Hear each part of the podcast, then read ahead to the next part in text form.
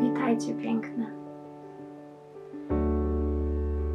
Skończyłyśmy rodowód Chrystusa. Skończyłyśmy spotkania z tymi, które dla Boga były najważniejsze, które wpisały się w Jego historię życia. Na ten Wielki Post chciałabym Was zaprosić również do spotkań z kobietami, ale trochę inaczej. Stawiając w centrum Chrystusa, to Chrystusa omęczonego, cierpiącego, kochającego, tak bezgranicznie, doświadczającego tak bezgranicznie również człowieczeństwa. To kobiety wytrwały przy Zbawicielu. To kobiety, mimo tego cierpienia, nie pozostawiły go samotnym, opuszczonym, nie uciekły.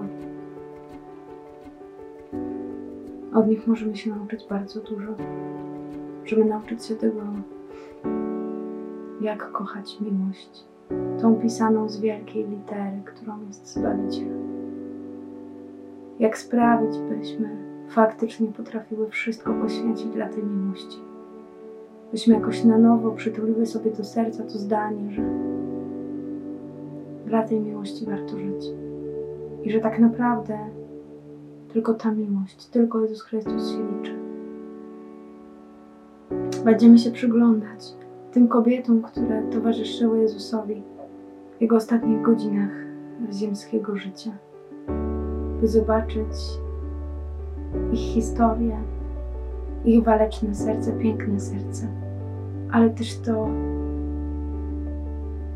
ile miały w sobie siły, by nie przestraszyć się cierpienia.